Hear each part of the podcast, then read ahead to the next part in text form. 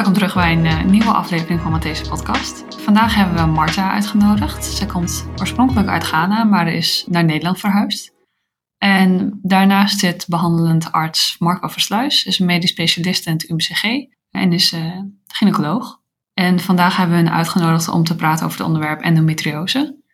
Dus net zoals de vorige keren hebben we het even opgezocht. Op de website van het UMCG staat als definitie aan de binnenkant van de baarmoeder zit een laagje slijmvlies. Als je endometriose hebt, zit er weefsel dat daarop lijkt ook buiten de baarmoeder. Het is verder een goed aardige aandoening die niet vanzelf overgaat. En natuurlijk hebben we tijdens de bachelor ook het een en ander gehad over endometriose. Maar alsnog vonden we het wel een lastig begrip, omdat ja, we het in het dagelijks leven verder eigenlijk nooit hoorden. Ja, en eigenlijk komt het best wel vaak voor. Maar um, er is eigenlijk nog niet heel veel over bekend. Ze weten bijvoorbeeld ook nog niet waardoor um, dit komt. Dus bij pijn bij menstruatie wordt eigenlijk vaak gedacht dat het erbij hoort. Wat er eigenlijk voor zorgt dat er best wel een lange periode tussen het begin van de symptomen zit en echt de daadwerkelijke diagnose van endometriose. En dat horen we ook wel terug in het verhaal van Marten. Ja. Dus ik stel voor dat we daarmee beginnen. Let's get going. Ik ben op mijn dertiende begonnen met mijn, mijn menstruatie. Vanaf mijn veertiende begon de pijn. En vanaf mijn vijftiende was de pijn niet te verdragen. Niemand wist wat het was. Ik ben uh, naar het ziekenhuis geweest, meerdere keren en elke keer. Ah, don't worry, it will go away when you give birth. Dat kreeg ik steeds te horen. Maar uh, in de loop van de jaren werd het erger en erger en erger. Ik was heel sportief. Dus, soms tijdens wedstrijden, voetbalwedstrijden, moest ik me afmelden omdat ik heel veel pijn had met, met menstruatie. En, ja. En, mensen deden heel luchtig erover van, ah, het is toch mijn menstruatie, een beetje menstruatie. Kom op, je boots aan, ga voetballen. Ja, dus niemand begreep het. Ja, waarom had ik zoveel pijn of waarom deed ik alsof ik zoveel pijn had. Mm. Maar ik had degelijk veel pijn. Maar uh, zo heb ik uh, geleefd uh, in mijn tienerjaren mijn twintigste. En, maar de kinderen kwamen niet, want ik had geen geschikte man gevonden.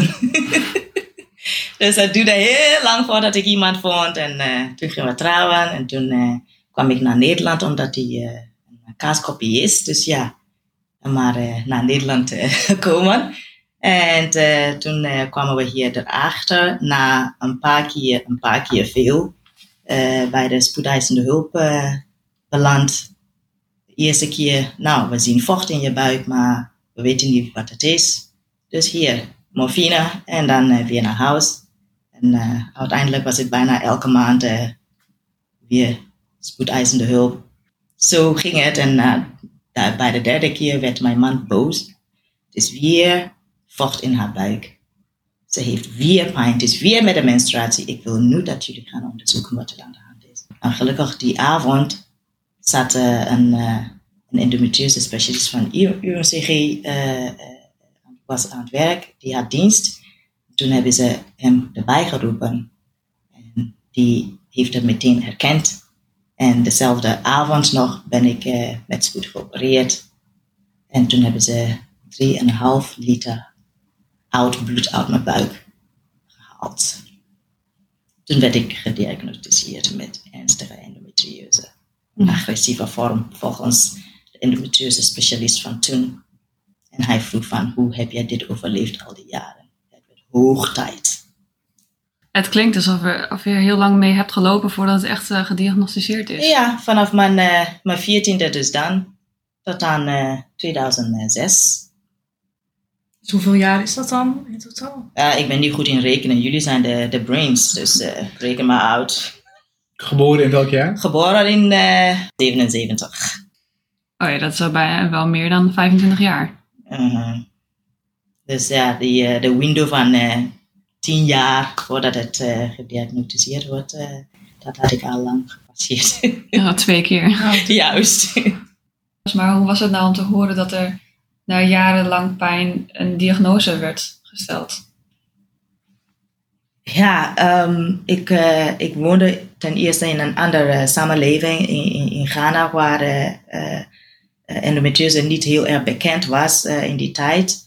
Eh, en waar, ehm, ja, eh, een vrouw leeft eh, veel met pijn en, en gaat gewoon door. Je, ja, ik heb pijn, maar ik ga door. Eh, dus eh, ten eerste heb je dat. Ten tweede, ik heb eh, in de loop van de jaren zoveel, eh, mijn pijngrens is eh, opgeschaald tot eh, zodanig dat ik, ik misschien de pijn die ik heb, ik zou zeggen van mijn pijn is nu schaal 7 of schaal 6. Je, zou zeggen van nou, ik zit op, op 9.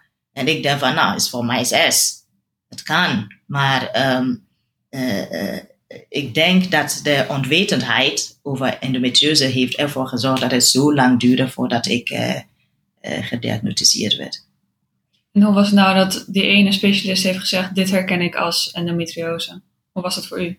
Eh, toen eh, wist ik, eh, nee, ik, eh, ik, ik wist het niet meer. Ik, ik had een blackout. Sorry, dat, dat stuk weet ik niet meer. Dat heb ik van mijn man eh, meegekregen. Ja, ik had een blackout toen. Maar ik vond het wel fijn toen ik eh, wakker werd en eh, ja, ik ben geopereerd. En, eh, en toen werd verteld van, nou, je hebt eh, ernstige endometriose en het werd hoog tijd. Ja, dus daarvan, oké, I dodged the bullet. Again. ja.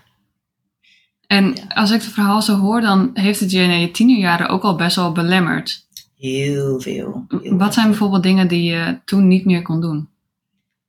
Nou, ehm, het was heel lastig om te sporten. Ik was, eh, ja, ik, eh, ik was heel actief in, op school met sporten, eh, voetbal, hockey. Eh, ik, was, eh, ik was zelfs de sportsleider van mijn school. Maar het belemmerde mij om wedstrijden, om mee te doen aan wedstrijden.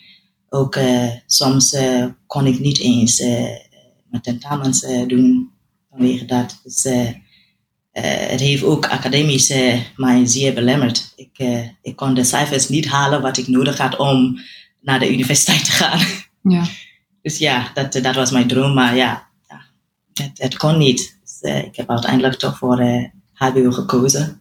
In, eh, HND is HBO in, in, in Nederland. Dus ja, maar dat ook met veel moeite toch afgerond. Want eh, ja, eh, als je voor iets gaat, dan eh, ga je. En zo ben ik gewoon doorzetten, doorzetten, doorzetten. En eh, fight, fight, fight. Ja, met alle beperkingen van dien. Maar Ja. Lukte me wel, maar met veel moeite. En ook het feit dat eh, mijn omgeving eh, het niet begreep. En, eh, ja, je stel je aan, het is maar menstruatie. Niemand in mijn, in mijn familie had, had, had, had pijn of zulke problemen met, met, met menstruatie. Dus ja, mijn moeder had nooit pijn met menstruatie. Dus ja, waar komt het vandaan? En dan krijg je ook niet zo heel veel eh, begrip van mensen. Nee, En zeker op school. is. Want ik zat op kostschool. Dus ja, dan heb je te maken met, eh, met eh, de docenten en je, je huismeester of huismadam. Die zegt van nou, Mother Derek, get up, come on. You are a leader. You show us that you're a leader. Come on, get up, don't be lazy. Madam, I'm not being lazy. I really have a lot of pain. Nee, het kwam niet echt binnen. Nee. Ja, dus eh, ik moest mezelf heel hard pushen om mijn plicht te doen. En dokter Versluis, zien we dat nou vaker, dat endometriose patiënten echt wel belemmerd worden in hun dagelijks leven? Bij veel endometriose patiënten eigenlijk zien dat ze op jonge leeftijd, bij de puberteit, pijn hebben bij de menstruatie. Dat door de omgeving een beetje wordt afgedaan als het hoort erbij, mama had dat ook, zie het even aan, eh wend er maar aan, hoort erbij. Nou, dat soort verhalen. En dat ze dan uiteindelijk toch hulp zoeken bij de huisarts. De huisarts dan vaak toch ook niet veel genoeg bekend is met het ziektebeeld. Dus ook daar zegt van, nou weet je, dat hoort erbij. eh, we wachten het even af. eh nemen pijnstilling bij de menstruatie. Ehm, eh, eh, en dat het toch lang duurt voordat patiënten echt gezien worden en echt op tijd eh, eh, nou ja, echt bij de, bij de gynaecoloog komen om, eh, om samen een plan te maken. En misschien is het handig om even kort uit te leggen wat endometriose nou precies inhoudt. Ja, ja endometriose is eigenlijk baarmoederslijmvliesachtig weefsel wat buiten de baarmoederholte zit. De baarmoeder is een, is een orgaan dat zit onder in de buik, eh, nodig om, om, om, eh, voor de zwangerschappen. Eh, en aan de binnenkant zit een beleiding met slijmvliesepitheel. En dat, ehm, ehm, dat hoort op die plek te zitten. Soms zit het in de wand van de baarmoeder, dan noemen we het adenomiose. En soms zit er een vergelijkbaar weefsel ergens in de buikholte. En dan noemen we het endometriose. En ehm, dat betekent dat elke keer dat als een vrouw vloeit, er wat bloed in de buikholte komt, op die plek waar dat zit. En daar reageert die buikholte, het slijmvlies van de buikholte, heel sterk op. Dus je krijgt verklevingen, je krijgt uh, pijnklachten, uh, een soort immunologische reactie hierop, um, ja, die uiteindelijk van kwaad tot erger gaat. Ja, en dan zie je dus uiteindelijk ook het beeld dat er oud bloed uit kan worden gehaald uiteindelijk uit de buik. Ja, ja dat op een gegeven moment, als dat, als dat endometriose zo ernstig is en op zoveel plekken in de buikholte zit, dan kan dat vanuit endometriose zelf bloeden. Of het kan natuurlijk bloedvaten zelf kapot maken, waardoor je daardoor gaat vloeien. Ja. Maar zou je normaal gesproken zeggen dat de buik het bloed zelf ook weer opruimt, of dat niet? Ja, de, de idee is dat, dat um, uh, bijna elke vrouw tijdens de menstruatie niet alleen vaginaal bloedverlies heeft, maar dat er ook iets in de buikholte komt. Uh, en dat ruimt het lichaam normaal gesproken gewoon op. Er is zelfs een theorie die, denkt, die, die stelt dat, dat, dat daar de endometriose ook vandaan komt wanneer het lichaam het niet goed opruimt. We weten nog niet zo goed hoe dat werkt. In elk geval 3,5 liter is behoorlijk ja, is extreem veel natuurlijk. Ja, ja, jaren opgebouwd. Hè? Dus dan in mijn, ja, in mijn, mijn ervaring dan, dan uh, voelt mijn lichaam het niet uh, goed op. Want het, het, het bouwde gewoon zich op. Het bouwde op en elke maand kwam iets meer erbij en erbij en erbij. Dus ja, als mijn lichaam het goed kan afvoeren, dan had ik die probleem niet. Maar ik denk niet dat het bij mij zo is gegaan. Of het was te veel om af te voeren. Kan ook, ik weet het niet. En had u dan ook pijn tussen de menstruatie? Oh ja, ja, dat had ik ook. Um, pijn bij, bij uh, uh, ovulatie, maar tussendoor, ik had zelfs een week voor de menstruatie begon de pijn. En tot een week na de menstruatie. En hoeveel dagen per maand zijn dat nou? Heel veel. Ja. Veel. Want ik, uh, ik, ik vloeide ook een week lang.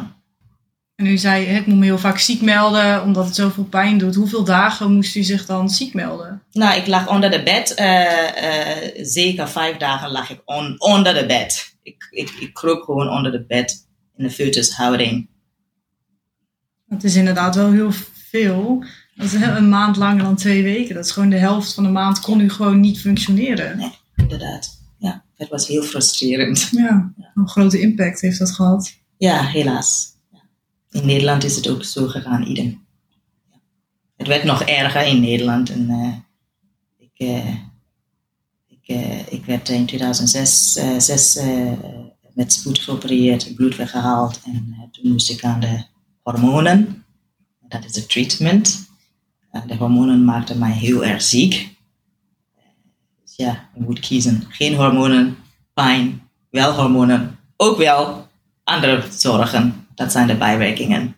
En daar reageerde mijn lichaam heftig op. Wat voor bijwerkingen had u daarvan? Uh, nagenoeg alle, alle bijwerkingen die op de papier sta, staat. Van een Lucrine of een Zoladex. Um, gewrichtspijn. Zeker de grootste zorg was migraineaanval. Ik had gewoon uh, bijna elke dag een migraine. En ja, dan kan je ook niks meer doen. Dan moest ik uh, dag, dag tegen mijn werk zeggen. Dus, uh, ja. En voordat je behandeld werd, werden, waren er toen ook dingen die wel hielpen tegen de pijn? Of was er echt helemaal niks dat u kon doen? Nou, het was, uh, ik kreeg, um, ik kreeg uh, veel NSAID's, wat ik helemaal niet tegen kan. wist, maar dat wist ik niet, totdat, dat was in Ghana, totdat ik uh, in het ziekenhuis kwam en toen een, uh, de ene arts die zei van, oh, je mag helemaal, dit helemaal niet hebben, je hebt, je hebt dit, dit, dit maakt het alleen maar erger. En ik had bijna een darmperforatie ook in Ghana. dus toen, ja, en in Nederland belandde ik heel snel al bij de morfine, mijn vriendjes. bij de morfine, want alle NSAID's kan ik niet verdragen.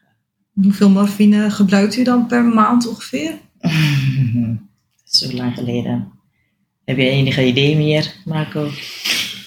Ik denk dat u het uiteindelijk heeft opgebouwd toch wel tot een afhankelijkheid. Hè? Dat Ja. is wel iets wat op een gegeven moment eh, waar je Ja. ook moeite mee hadden. En Ja. waar u goed bent begeleid door huisarts om er ook weer van af te komen. Ja. Eh, maar ja, veel. Veel. Ja. Veel. Het was niet normaal. Nee. Dus ja. Als je met morfine leeft, dan eh, is het ook lastig om eh, een sociale leven op te bouwen. Je, je kan, ja. Ik was eh, mijn baan voor de derde keer weer kwijt. Een hartstikke goede baan. Ik, was, ik had bijna een, een vaste contract, maar goed, dit zat mij in de weg. Dus ja. Verdrietig. Ach, het hoort bij mijn leven. En eh, het leven van eh, vele andere endometriose patiënten die ook ernstige endometriose hebben. Maar ook degenen die geen ernstige endometriose hebben, hebben ook last van eh, de pijn en de onbegrip en een omgeving. De ene, de ene omgeving begrijpt het iets meer als de andere. Ja, en ja, de ene zegt van, ja, je was toch geopereerd? Het is toch nou over? Eh, ja, ik ben geopereerd. Het is niet, het is niet te genezen. Het, het, het, het geneest gewoon niet. Het komt weer terug. Ja, ik krijg misschien verlichting, maar het gaat niet helemaal weg. En zodra ik begin met menstrueren, begint het ook weer te groeien. En wat is nou precies de behandeling van endometriose? Dat is, net zoals alle behandelingen moet je dat afstemmen op de patiënt. Ehm, maar het begint met het stilleggen van de cyclus. En ehm, dat kun je doen met eigenlijk gewoon de anticonceptiepil. Dat is al de eerste. Dan niet met een, tussen, met een stopweek gebruiken, maar gewoon continu. Ehm, alleen soms bij ernstige endometriose is dat onvoldoende. Dan is een alternatief een behandeling bijvoorbeeld met een hormoonspiraaltje eh, of met progesteron. Daarmee onderdruk je de cyclus ook en dat kun je dan ook iets ophogen dat, eh, om het echt mee stil te krijgen. Ja, en als dat niet werkt, dan kom je uit op of een operatie of een behandeling met GnRH-analoog. Dat zijn middelen, dat is een groep middelen die eigenlijk de hele cyclus stillegt. Dus waarbij je eigenlijk het lichaam eigenlijk in de overgang komt. Ehm, dus dan vloeit een vrouw helemaal niet meer, omdat ze zelf helemaal geen hormonen meer aanmaakt. Bij de pil geef je eigenlijk iemand hormonen en dat onderdrukt de cyclus. Dan neem je het over door de pil. En eh, bij GnRH-analogen eh, vervalt de hele eh, cyclus. Ja, dat, dat op jonge leeftijd bij een vrouw starten heeft nog wat implicaties. Want afgezien van de bijwerkingen ehm, zijn er klachten als opvliegers en dat soort dingen die ook bij de overgang gezien worden. Ehm, eh, en op jonge leeftijd al de overgang ingaan betekent ook op jonge eh, vroege leeftijd al problemen krijgen met botontkalking en andere lange termijn gevolgen van de lucrin. Ehm, operaties eh, zijn een alternatieve optie. Eh, maar wat mevrouw terecht aangeeft, dat is niet altijd succesvol, omdat er best een relatief aantal patiënten is bij wie de klachten ook gewoon weer terugkomen. Ehm, en rigoureus wil je graag dan de, eh, de, alle endometriose weghalen. Eh, ehm, maar misschien ook gaan nadenken over de baarmoeder weghalen, wat voor dingen dan ook. Nou, dan heb je weer bij jonge vrouwen weer een hele andere discussie die belangrijk is. En wat is nou de eerste stap bij een operatie? De endometriose optimaal weghalen. Ja. En dat hangt ook vanaf waar het zit.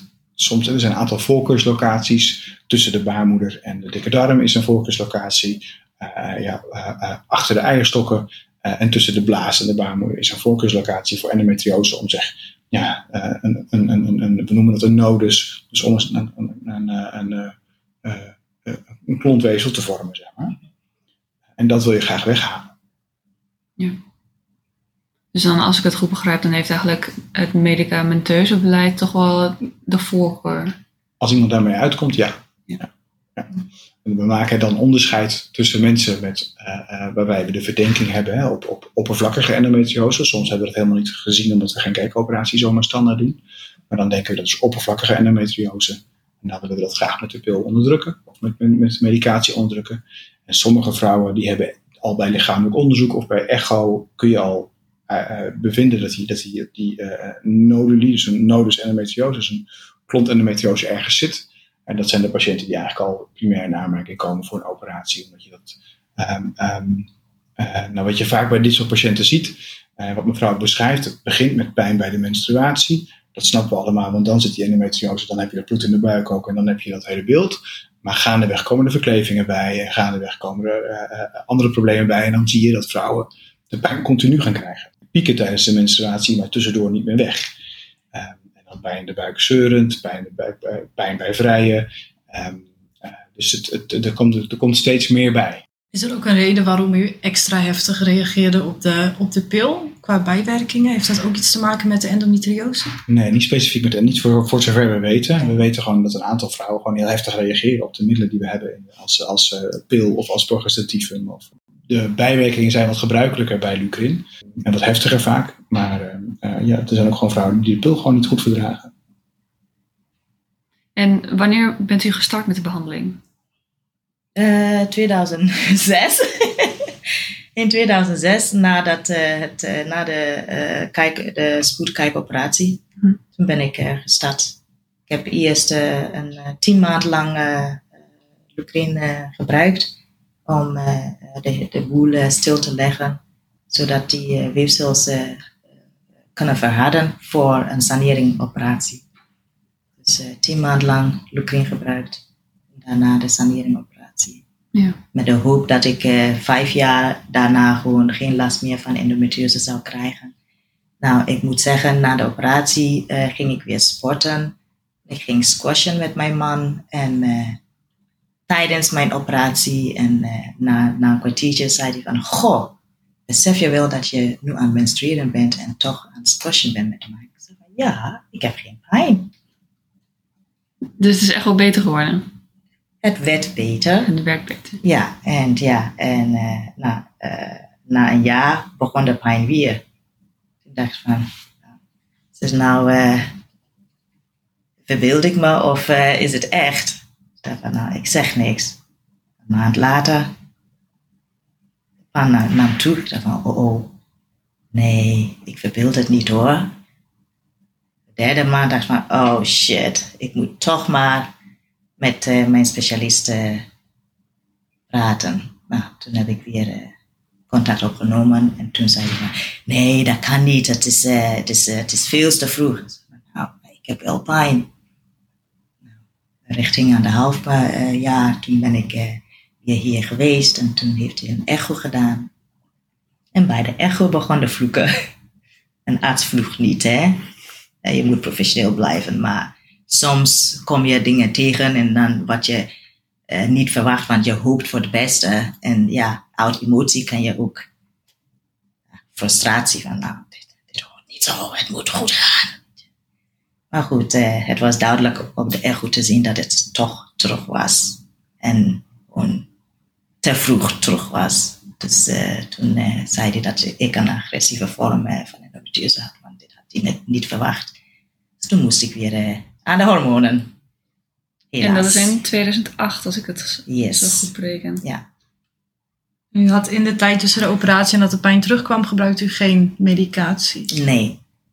Nee, na de operatie had ik uh, geen uh, medicatie. Ik wou ook van uh, de Lucrin af. Want het, ik was gewoon een oude vrouw geworden. Ja, dus ja, het, ja, zo ging het een beetje. Frustrerend, maar ja, dus als ik het zo hoor, dan komt het eigenlijk helemaal niet zo vaak voor dat na een operatie en na medicatie het eigenlijk terugkomt. Zo snel. Nee, of dat, niet? Nee, dat is, dat, is, dat is bijzonder. Dat is mijn verhaal, dat ja. Is, dat is bijzonder. En dat is ook, meestal geven we patiënten ook het advies om ook na een operatie toch weer te blijven, medicatie te blijven gebruiken om een recidief, dus het terugkomen van de ziekte, uh, om de kans daarop te verkleinen. Okay. Uh, maar, maar, toen niet? Nee, maar dat, ik, ik, denk dat dat, ik was daar niet bij, maar ik denk dat dat te maken had met het feit dat je de pil zo slecht verdroeg. Uh, als je dat weet je, het is makkelijker om te, te zeggen als, als het bevalt, is prima. Maar. Ja. En wat was nou de behandeling na 2008? Uh, eh, verschillende uh, hormonen geprobeerd. uh, ik ben in 2007 geopereerd. Ik ben in 2011 geopereerd met wat complicaties erbij en een stoma erbij. Ik ben in 2016 geopereerd. Dus na een jaar na de operatie kreeg u pijn. Toen hebben ze gezien op de echo dat, het, uh, en dat er weer wat was.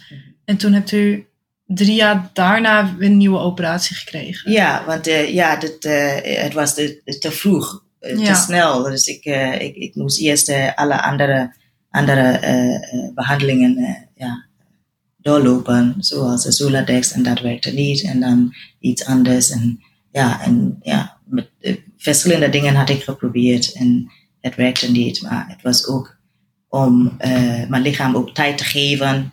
Eh, want eh, ja, na anderhalf jaar weer opereren, dat, dat is, het is te, te snel, te vaak opereren is ook weer niet goed voor endometriose. Want ja, je krijgt ook meer verklevingen. Hè? Dus ik zeg het goed, hè? Ja hoor.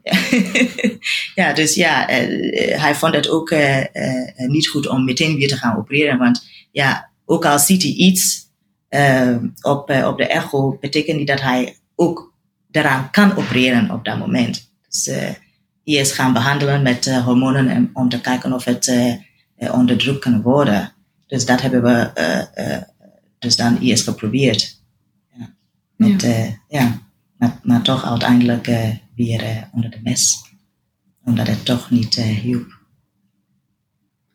Zou je iets meer kunnen uitleggen over de operatie? Ja, er er zijn meerdere operaties nodig Meerdere, geweest ja. hè, om iedere keer de endometriose weg te halen. En iedere keer dat je een operatie doet, eh, verandert, is de anatomie nog verder verstoord. Wordt het nog lastiger en is de kans op complicaties groter. Ehm, eh, je hebt ook een keer een stoma gehad. Hè, en Ja. dat- dat zien we ook wel vaker. En dat heeft, als endometriose met name daar tussen de baarmoeder en de darm zit, eh, dan moet je soms een stukje uit het sigmoïd, hè, uit het laatste stukje van de dikke darm halen. Ehm, en dan heb je soms een ontlastend stoma nodig om dat later weer aan elkaar te zetten. eh, of de naad goed te laten genezen. Nou, dat zijn allemaal dingen die we hier wel vaker hebben. Dat is allemaal bij ernstige endometriose. Dat hebben we gecentreerd in Nederland in centra zoals het UMCG. Eh, dus dat is niet heel typisch wat overal in Nederland gebeurt, maar dat centreren we netjes, omdat je dan de expertise ook hebt van naast een gynaecoloog, een chirurg of een uroloog. Ehm, ehm, uiteindelijk hebben we elkaar leren kennen rondom je verjaardag in eh, Op 2016. mijn verjaardag. Ja, Nou ja, op je verjaardag Ja, notabene. zelfs, Ja. ja. En, ehm, maar misschien, want wat, wat we toen gedaan hebben, is een operatie om, eh, om de eierstokken te verwijderen. Ja. Dat is een wat zeldzame stap. Dat doe je niet zo snel met, eh, met endometriose. Je bent eerder geneigd om bij iemand met ernstige endometriose dan bijvoorbeeld een keer de baarmoeder weg te halen. En de eierstokken te laten, zodat je iemand nog wel eierstokken heeft. Dus dit is een, niet een standaardbehandeling. Daar zijn we uiteindelijk na ampelberaad en allerlei ellende op uitgekomen.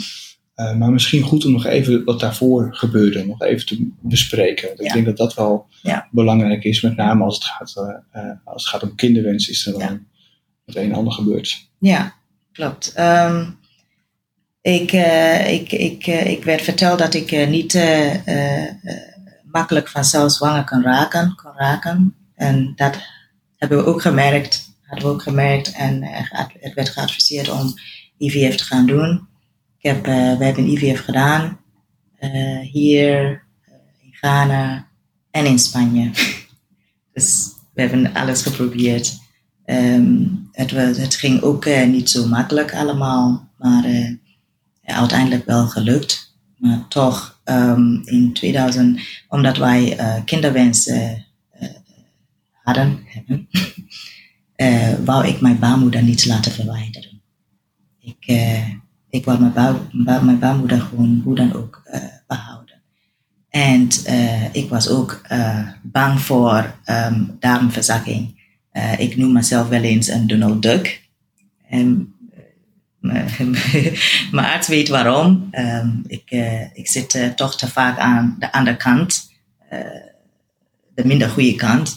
Dus ik zag het ook niet zitten om mijn baarmoeder te, te laten verwijderen. Ten eerste omdat ik kinderwens had en ten tweede bang voor een darmverzakking. Dus ik heb gezegd, ik wil mijn baarmoeder niet laten verwijderen. En we hadden met onze um, laatste IVF hadden we nog um, twee embryo's liggen voor nadat onze eerste zoon was overleden. Dat was ook geen makkelijk zwangerschap. Um, maar dat, we, we, kregen een mooie, jongen. Na zes dagen was die, werd hij ziek, uit het niets. En hij had nek, zeiden ze. En twee dagen later stierf hij. Daarna begon weer mijn menstruatie met alle ellende.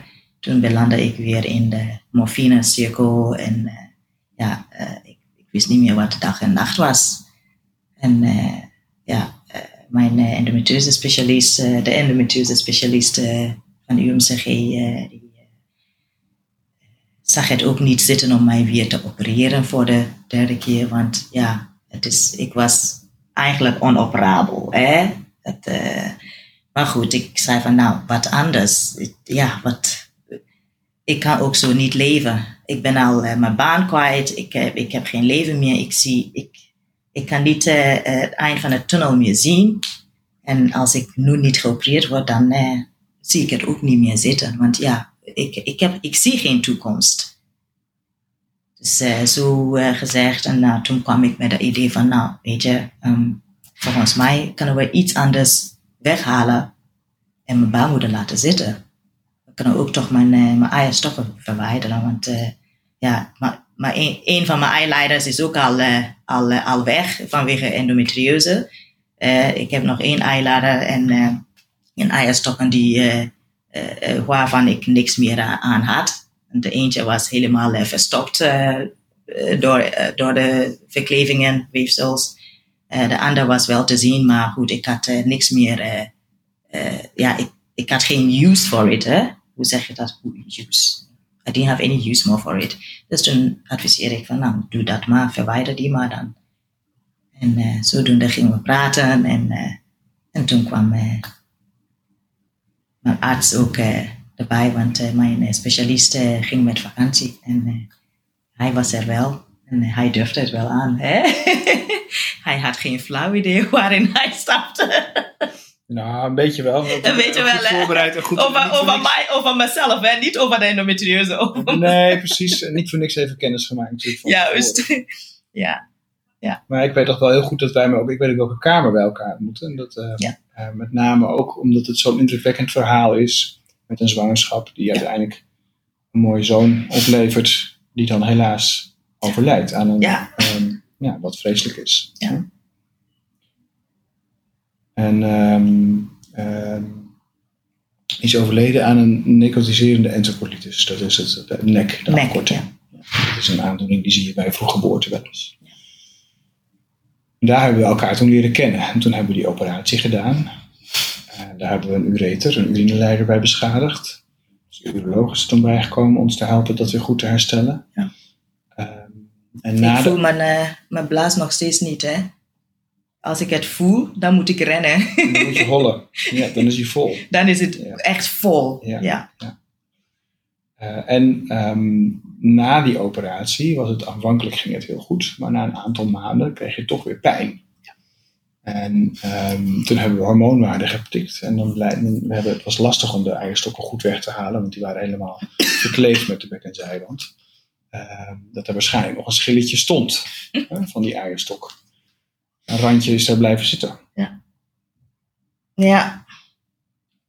Dus daar zat je dan weer opnieuw met eh, buikpijn, eh cyclisch. Ja.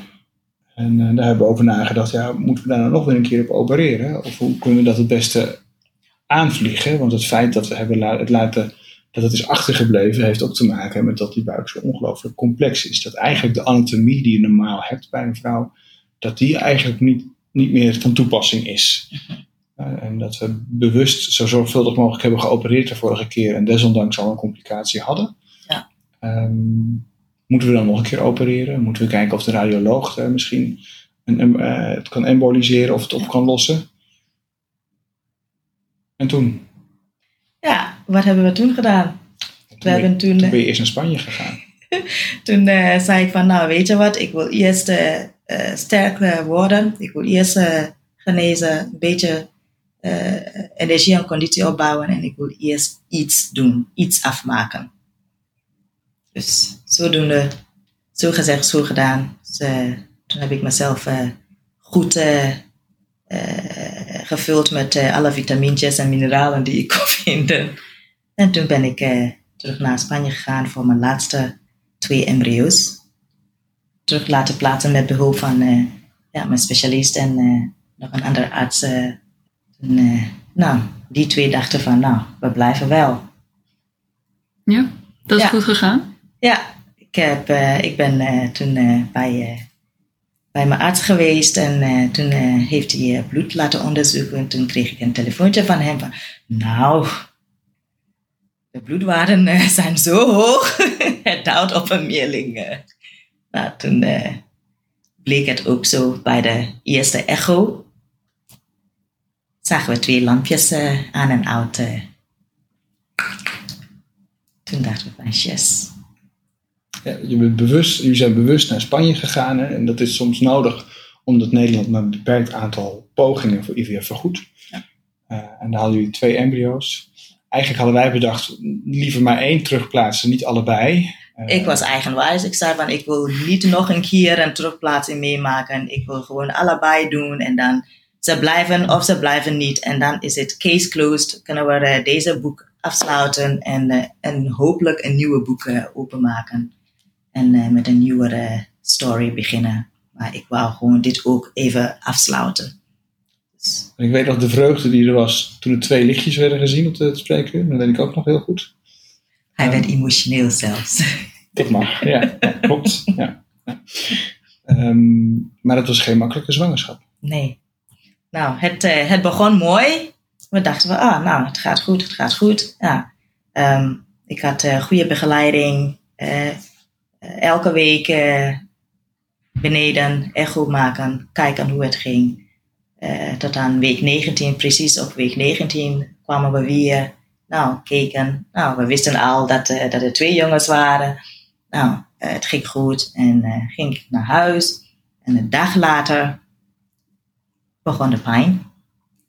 Ik dacht van, kak, wat voor pijn is dit? Het, nee, het is, het is endopijn, maar ik snap het niet. Want ik ben zwanger. Zwangerschap is toch juist goed voor endometriose. Dus ja, waarom heb ik eh, endometriose pijn terwijl ik eh, een eh, in mijn buik heb?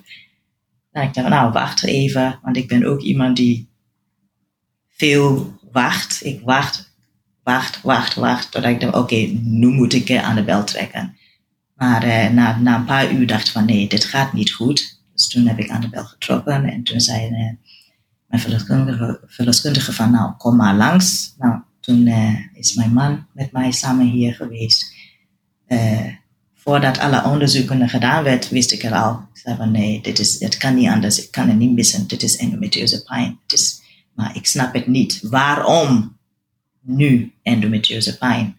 Goed, eh, later op de avond werd het bevestigd van, nou, je hebt SHIP. Spontaneous hematoperitoneum of pregnancy. Ja, Eigenlijk is dat dat er een bloeding ontstaat bij, de, bij endometriose tijdens de zwangerschap. Dat er een bloeding ontstaat waarbij opnieuw heel veel bloed in de buikholte komt. Ja. En tijdens, het, tijdens de zwangerschap wordt de baarmoederslijmvlies echt heel erg opgebouwd. Dat is ook nodig, want er moet een goede moederkoek worden aangemaakt. Ehm, maar ja, endometriose die op een andere plek zit, die is blijkbaar eh, gaan bloeden. Dus ik had inwendige bloeding en eh, het eh, zorgde voor heel veel pijn. En eh, ja, toen eh, werd gezegd van, nou, je gaat niet meer naar huis totdat eh, de kinderen geboren zijn. Dus UMCG was mijn tweede huis vanaf week 19 van mijn zwangerschap. En ja, er werd nog zelfs gediscussieerd van, nou, ehm, eh, als, het, eh, als de bloeding niet stopt en als het erger wordt, dan is het de kans dat... dat je afscheid van je kids moet nemen, want ze zijn niet levensvatbaar en dan moeten we jouw leven gaan redden. Ik heb een eh, hele goede team om me heen. En, eh, Hoe was dat voor jullie? nou, het was, eh, het was heftig. Mijn reactie was, wat voor leven ga ik dan leiden? Ja, je gaat mijn leven redden. Nou, het is mooi, prachtig, maar wat voor leven? Dan ben ik in één klap drie kids kwijt. Ik heb veel moeite gedaan om, om ze te krijgen. Eén is al weg en, en nu dit. Ik zei van, nou, ik, eh, ik ga gewoon vechten. En ik ga hopen. Eigenlijk door deze aandoening, toch? Was het dan niet super frustrerend? Ja, ik zei van, mind my, mind my Dutch, kutziekte. Ik bedoel, zelfs in mijn zwangerschap word ik lastig gevallen door jou. Hoe dan? Wanneer word ik met rust gelaten? Of wie zit eh, aan de knoppen te, te drukken om ervoor te zorgen dat dit ook weer gebeurt. Ja, Ja, het lijkt me inderdaad heel frustrerend zoals je het ook zegt. ja maar het, het was ook zo. Het was, het, hoe? Het was heel moeilijk. Het was echt heel moeilijk. En hoe is het daarna gegaan? Nou, het werd alleen maar erger en erger eh, met, eh, met de weken. Ehm, eh, ik, eh, ik kreeg nog tromboses aan één been. Mijn benen werden zo dik. En, eh, en ik moest eh, bloedverdunners krijgen. Nou, je, je, krijgt, je hebt inwendige bloeding en je moet nog bloedverdunners. Nou, kiezen. Ja, wat kies je? Lastig. Hoe hebben jullie die keuze kunnen maken? Ja, dit is niet een keuze die je als dokter maakt of als patiënt maakt. Dit is iets wat je echt met een team moet bespreken. Eh, en dat je met elkaar bespreekt, wat zijn nou de voor- en de nadelen. Want we begrijpen heel goed de wens van een koppel om kinderen te krijgen. En eh, we zijn ook begaan met patiënten. Aan de andere kant, ja, we willen ook gewoon graag de best mogelijke uitkomst. En, en soms is dat dan alleen de moeder. Ja. Dus dat zijn hele moeilijke discussies. Ja. ehm, die je met een team moet doen. En ook met, niet alleen met dokters en, en patiënten, maar ook met verpleegkundigen en ook met een maatschappelijk werker. Gewoon iedereen die daar eh, die, die vanuit zijn of haar kant iets kan toevoegen. Daar was wel tijd voor.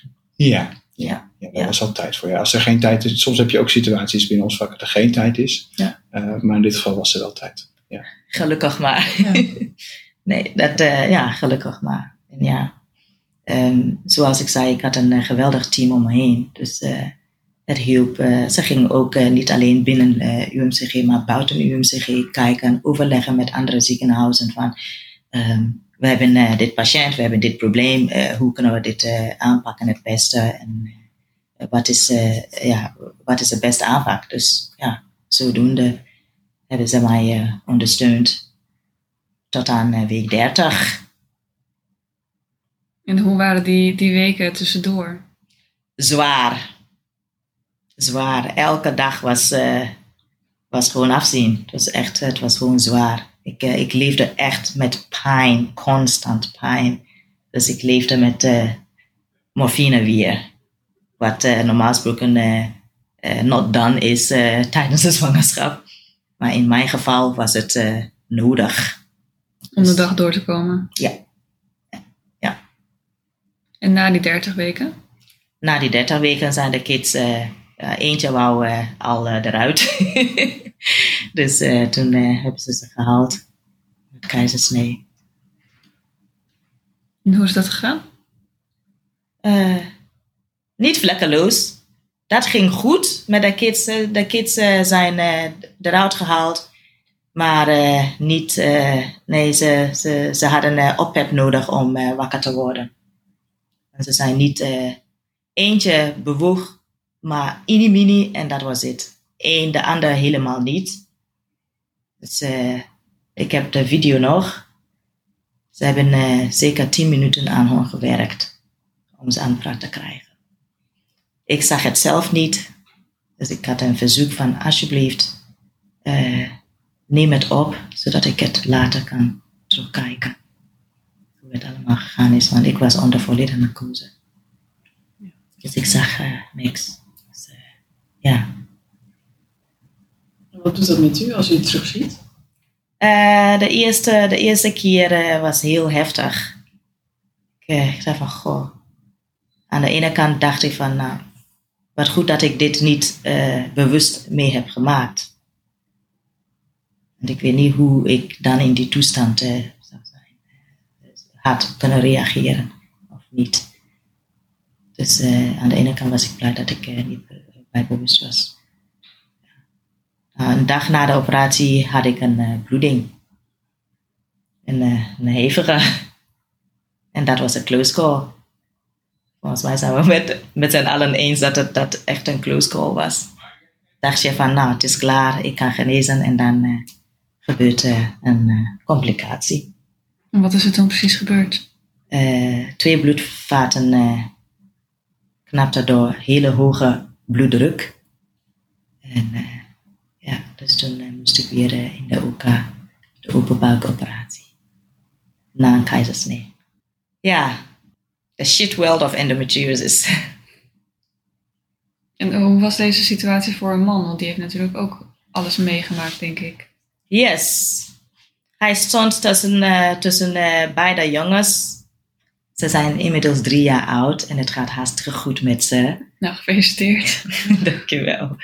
Even tussendoor dat, eh, dat het niet zo zwaar is. Want ik zie een zware wolk boven jullie hoofd en zeg van nou even een lichtpuntje.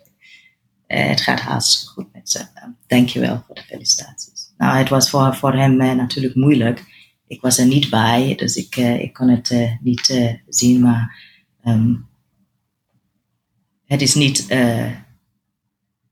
leuk om, ja, leuk is understatement, om te weten dat, dat het niet zo heel goed gaat met je vrouw, maar ook dat je beide kids een beetje aan het vechten zijn voor hun leven. Links kijken, eh, rechts kijken en artsen en specialisten zijn bezig om ons aan het praten te krijgen. Ja, en je staat daar, je bent gewoon machteloos als papa. Ja, wat, ja, wat doe je? Alleen aanmoedigen. Kom op jongens, jullie kunnen het. Meer kon je niet doen. En vooral niet in de weg lopen van de, van de medische personeel. En hoe is het gegaan na de operatie? Waarbij je zei dat het een close call was. Na de spoedoperatie bedoel je? Nou, het, uh, toen, uh, ja, het, ja ik, uh, ik moest dan genezen. Ja, ik heb de kids dan hoeveel dagen niet gezien, ik weet het niet. Maar toen werd gepusht dan dat ik de kids moest zien. Want ik, ik was ze eigenlijk, eerlijk gezegd, ik was ze helemaal vergeten. Toen ik, toen ik bijkwam, had ik niet eens een beeld dat ik, dat ik kids had op dat moment. Te, Nee, helemaal geen beeld. Uh. Maar uh, toen werd gezegd van, nou, uh, mijn, mijn, arts die zei van, nou, je, je moet de kids zien. De kids zien. En toen ik, toen ik eentje in mijn armen had, toen kwam alles weer terug. Gelukkig. Ja, toen kwam alles weer, de liefde ook. En, okay, ja, oh ja, toen was ik er weer. Uh, ja, de rest. Het is uh, genezen en ik was uh, goed afhankelijk van, van de morfine. En ik moest het afbouwen. Ik, heb, ik had voor, voor de keizersnee had ik met de pijnteam gesproken. En toen hadden ze voorgesteld dat, dat, dat ik um, een middel kon gebruiken. Uh, die, die middel uh, werd, was vroeger pijnstiller. Maar het is in de loop van de jaren kwamen ze erachter dat het heel goed werkte voor afkicken. Dus vandaag de dag, als je die naam noemt, dan denkt iedereen van, oh, dat is afkikmiddel. Maar het is, het is van oorsprong een pijnstiller. Dus die zouden ze dan ter vervanging van de morfine aan mij geven van de fentanyl. Ik mag wel die naam zeggen. Hè. Uh, fentanyl, uh, die gebruiken, dat is methadon. Om uh, de pijn te behandelen. Of ja, tegen te houden of onderdrukken. En tegelijkertijd helpt het ook om die fentanyl af te bouwen. En hoe was het nou om, twee nieuwe kinderen te hebben en ook zo druk bezig te zijn met uh, morfine afbouwen? Dat lijkt me een hele zware combinatie eigenlijk. Ik was niet eens bezig met de medicijnen. ik was meer bezig. Nee, ik was, ik was meer bezig met, uh, met uh, melk produceren. Want ik, ik, ze moesten melk hebben en, en er kwam niks. Mijn lichaam was letterlijk uitgedroogd. Dus er kwam echt niks. Ik, ik, ik zat een uur lang, uh, anderhalf uur lang te kolven en ik had maar uh, één, uh, één of twee cc. Dat is niks, hè? Ja, tot grote frustratie van mij. En ja, het komt wel, het komt wel, het komt wel. Nee, het kwam echt niet. Mijn lichaam koos voor zichzelf van nee, ik, ik moet toch voor mezelf kiezen. Dus ja, kwam niet echt op gang. Dus ik was meer bezig met maquettes dan de- morfine, eh, fentanyl en afbouwen. Ehm, eh, de, de afbouwen ging makkelijk, want ik, had, ik, had, ik zou de pompje, eh methadonpomp krijgen. Maar toen werden we verhuisd naar Martini en Martini had die, die apparaten niet. Dus toen werd het tabletten. En, dus ik heb eh, gewoon de tabletten eh, van methadon gebruikt. En die fentanyl was eh, helemaal gestopt hier voordat ik naar Martini ging. Dus zo heb ik het, voordat ik ontslagen werd in het ziekenhuis, was ik ook al klaar met, met de methadon. Oké. Dus we zijn eh, 28 juni ontslagen uit het ziekenhuis. En voor 28 juni was ik eh, klaar met afbouwen met methadon. En hoe is het na het ontslag van het ziekenhuis gegaan? Ja, zwaar. Nou, eh, zwaar in de zin van zwaar omdat je dan thuis komt met twee eh, baby's. En je bent eh, net, ik ben al een klein mens, maar toen de tijd was ik, na de bevalling, was ik 43 kilo. Dus ik was heel mager. Ik, ik was goed afgevallen tijdens de zwangerschap. Dus eh, ik had eh, weinig kracht in me, eh, weinig energie in me. En dan moet je alsnog voor een tweeling zorgen. Ik had wel wat hulp, gelukkig. Mijn moeder was er. En we hadden baby touwzorg. Die was net gelanceerd op de dag dat zij geboren werden. Dus we waren een van de gelukkigen die gebruik daarvan kon maken. Dus daar was ik super blij mee. Maar alsnog, aan het eind van de dag gaat eh, iedereen weg. En dan zit je daar eh, alleen met je man en je tweeling. En, dan, en nu?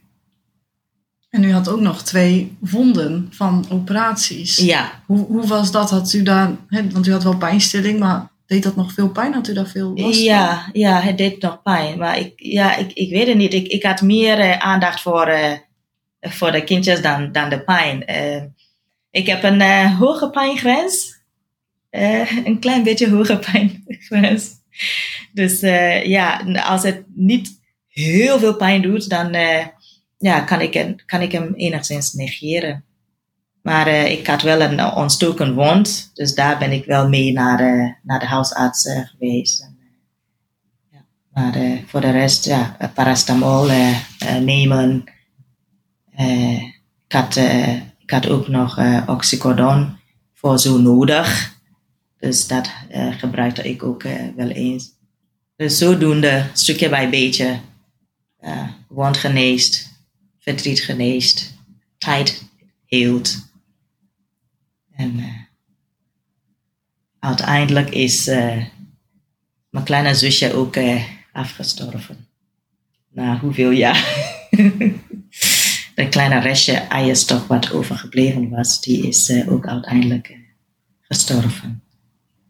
En eh, ik heb geen maandelijkse menstruatie meer. Ik ben in de overgang. Die opvliegen en dat soort dingen en dat soort shit allemaal heb ik gehad. Dus ik heb een mooi leven nu volgens mij. Zonder last te hebben van endometriose. En ik, heb, eh, ik ben blij dat ik mijn ba- baarmoeder heb eh, be- behouden, want de reden daarvoor was de laatste terugplaatsing van die twee embryo's, waarvan eh, ik eh, twee mooie boefjes heb nu. Dat is eigenlijk toch een goede keuze geweest dan. Ja, voor mij. Op dit moment hebt u geen pijn meer. Ik, eh, ik ervaar eh, op dit moment eh, geen pijn meer. Heel af en toe dan krijg ik dat. maar om eerlijk te zijn, de afgelopen drie maanden heb ik nauwelijks wat meer gevoeld. Dat is fijn om te horen na het heftige verhaal wat we eigenlijk hebben gehoord. En wordt het nou vaker gezien dat patiënten met endometriose moeite hebben bij zwangerschap en met complicaties? Ja, het is een van de redenen, een, van, een belangrijke eh, reden voor subfertiliteit. Dus voor het eh, moeilijk zwanger worden. Aan de endometriose komt soms pas aan het licht, ook pas tijdens een traject fertiliteit. Dus dat, eh, nou, een beetje hetzelfde verhaal we het net ook over hadden vanaf de puberteit. Pijn, iedereen zegt hoort erbij, huisarts zegt hoort erbij.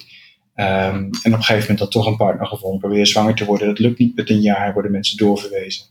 En dat we dan erachter komen dat er toch eh, sprake lijkt van endometriose. Dan ziet u ook vaak eh, wat mevrouw door had gemaakt tijdens de zwangerschap. Dat het dan Nee, dat SHIP, dat is echt zo'n zeldzame afkorting. Dat is niet iets wat je vaak ziet. was wel een beetje in, in, het, in de bingo kaart van deze patiënt. Eh, want ze pakt bij- blijkbaar alles wat ze, wat ze mee kan pakken. Ja, helaas. Ja. Pechgeval. En SHIP was de UMCG's eerste case, hè? Volgens mij, of niet? Nee, niet de eerste. De- Maar ik had er al van gehoord voordat je het kreeg. Oh. Maar ehm, het is echt wel iets wat zeldzaam is. Ja. is die bloeding, want u hebt eh, van week 19 van de zwangerschap bent u gekomen en week 30 bent u bevallen. Ja.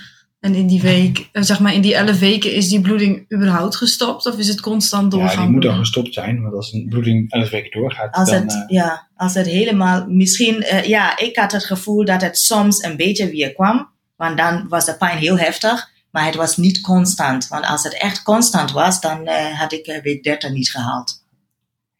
Wat nog wel goed is om te vertellen, hè, want jullie hadden net van, god, dan zit je thuis met een wond in de buik en met de kinderen.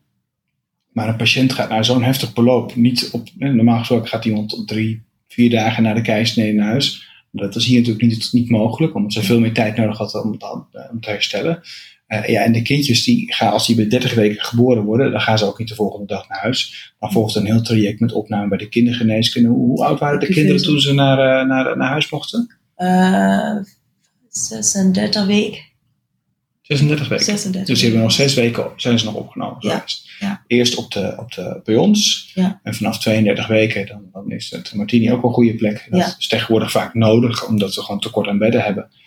Eh, dus dan worden eh zulke babytjes overgeplaatst Ja. met moeder naar Ja. het Martini ziekenhuis. Ja. En na dit hele, hele heftige verhaal gehoord te hebben, zou u misschien ook nog iets willen meegeven aan andere patiënten met endometriose? Ja, ik zou zeggen van als je, eh, als je pijn hebt en, eh, en, en, en, je onderbuikgevoel zegt van er klopt iets niet, check gelijk aan de bel. Als je huisarts eh, zegt van nou, het is normaal. Als het nodig is, dwing je huisarts om je door te verwijzen naar een specialist. Blijf niet ermee zitten. En anders blijf je gewoon jaren zitten. Eh, gelukkig tegenwoordig eh, worden de huisartsen ook eh, attent opgelet van nou, zorg ervoor als dit en dat. Weet je, ze, zijn, ze worden ook opgeleid en ze krijgen meer informatie over endometriose.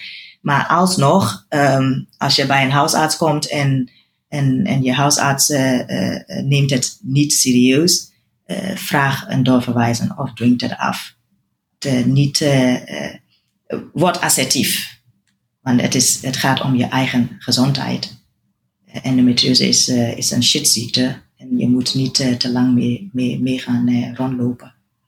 Wat zou je dan ons als toekomstig artsen mee willen geven? Wat zouden we nou anders moeten doen in het hele traject? Werk heel goed samen met je patiënten. Zie je patiënt niet als een nummer of als een case. Oh, die case. Nee, het is een mens die voor je staat. Mens die voor je zit. Ga naast je patiënt zitten. En luister goed naar je patiënt. Neem je patiënt vooral heel erg serieus. Dat weet eh, hij van mij. Onze samenwerking eh, is goed. We bijten soms elkaar, maar daarna knuffelen we ook weer met elkaar. Het, eh, hoort erbij. Maar alsjeblieft, zorg ervoor dat je je patiënt goed leren kennen. En de samenwerking met je patiënt, zorg ervoor dat je ook de beste eh, behandeling of eh, de beste zorg biedt aan, eh, aan je patiënt. Ik wil even onderschrijven wat je daar zegt. Ik denk dat dat het belangrijkste is wat je moet hebben als dokter. Je wordt opgeleid om een protocol te volgen. Dat protocol moet je kennen, de ziekte moet je kennen, je moet heel veel feiten kennen. Maar je moet ook leren om een patiënt te horen en de mens te zien. Niet voor niks een slogan van het UMCG, zie de mens. Dat is echt belangrijk, want daar komt de patiënt voor. Niet voor een pilletje. Bedankt voor het luisteren naar deze aflevering.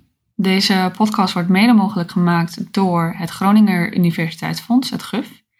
En daarnaast door Aquila Scientific Communications. Als je hulp nodig hebt bij het schrijven van een medisch of wetenschappelijk manuscript of medische tekst moet vertalen van het Nederlands naar het Engels of van het Engels naar het Nederlands, overweeg dan Aquila Scientific Communications. Mocht je hier interesse in hebben, dan kun je de website in de beschrijving vinden. En tot de volgende keer.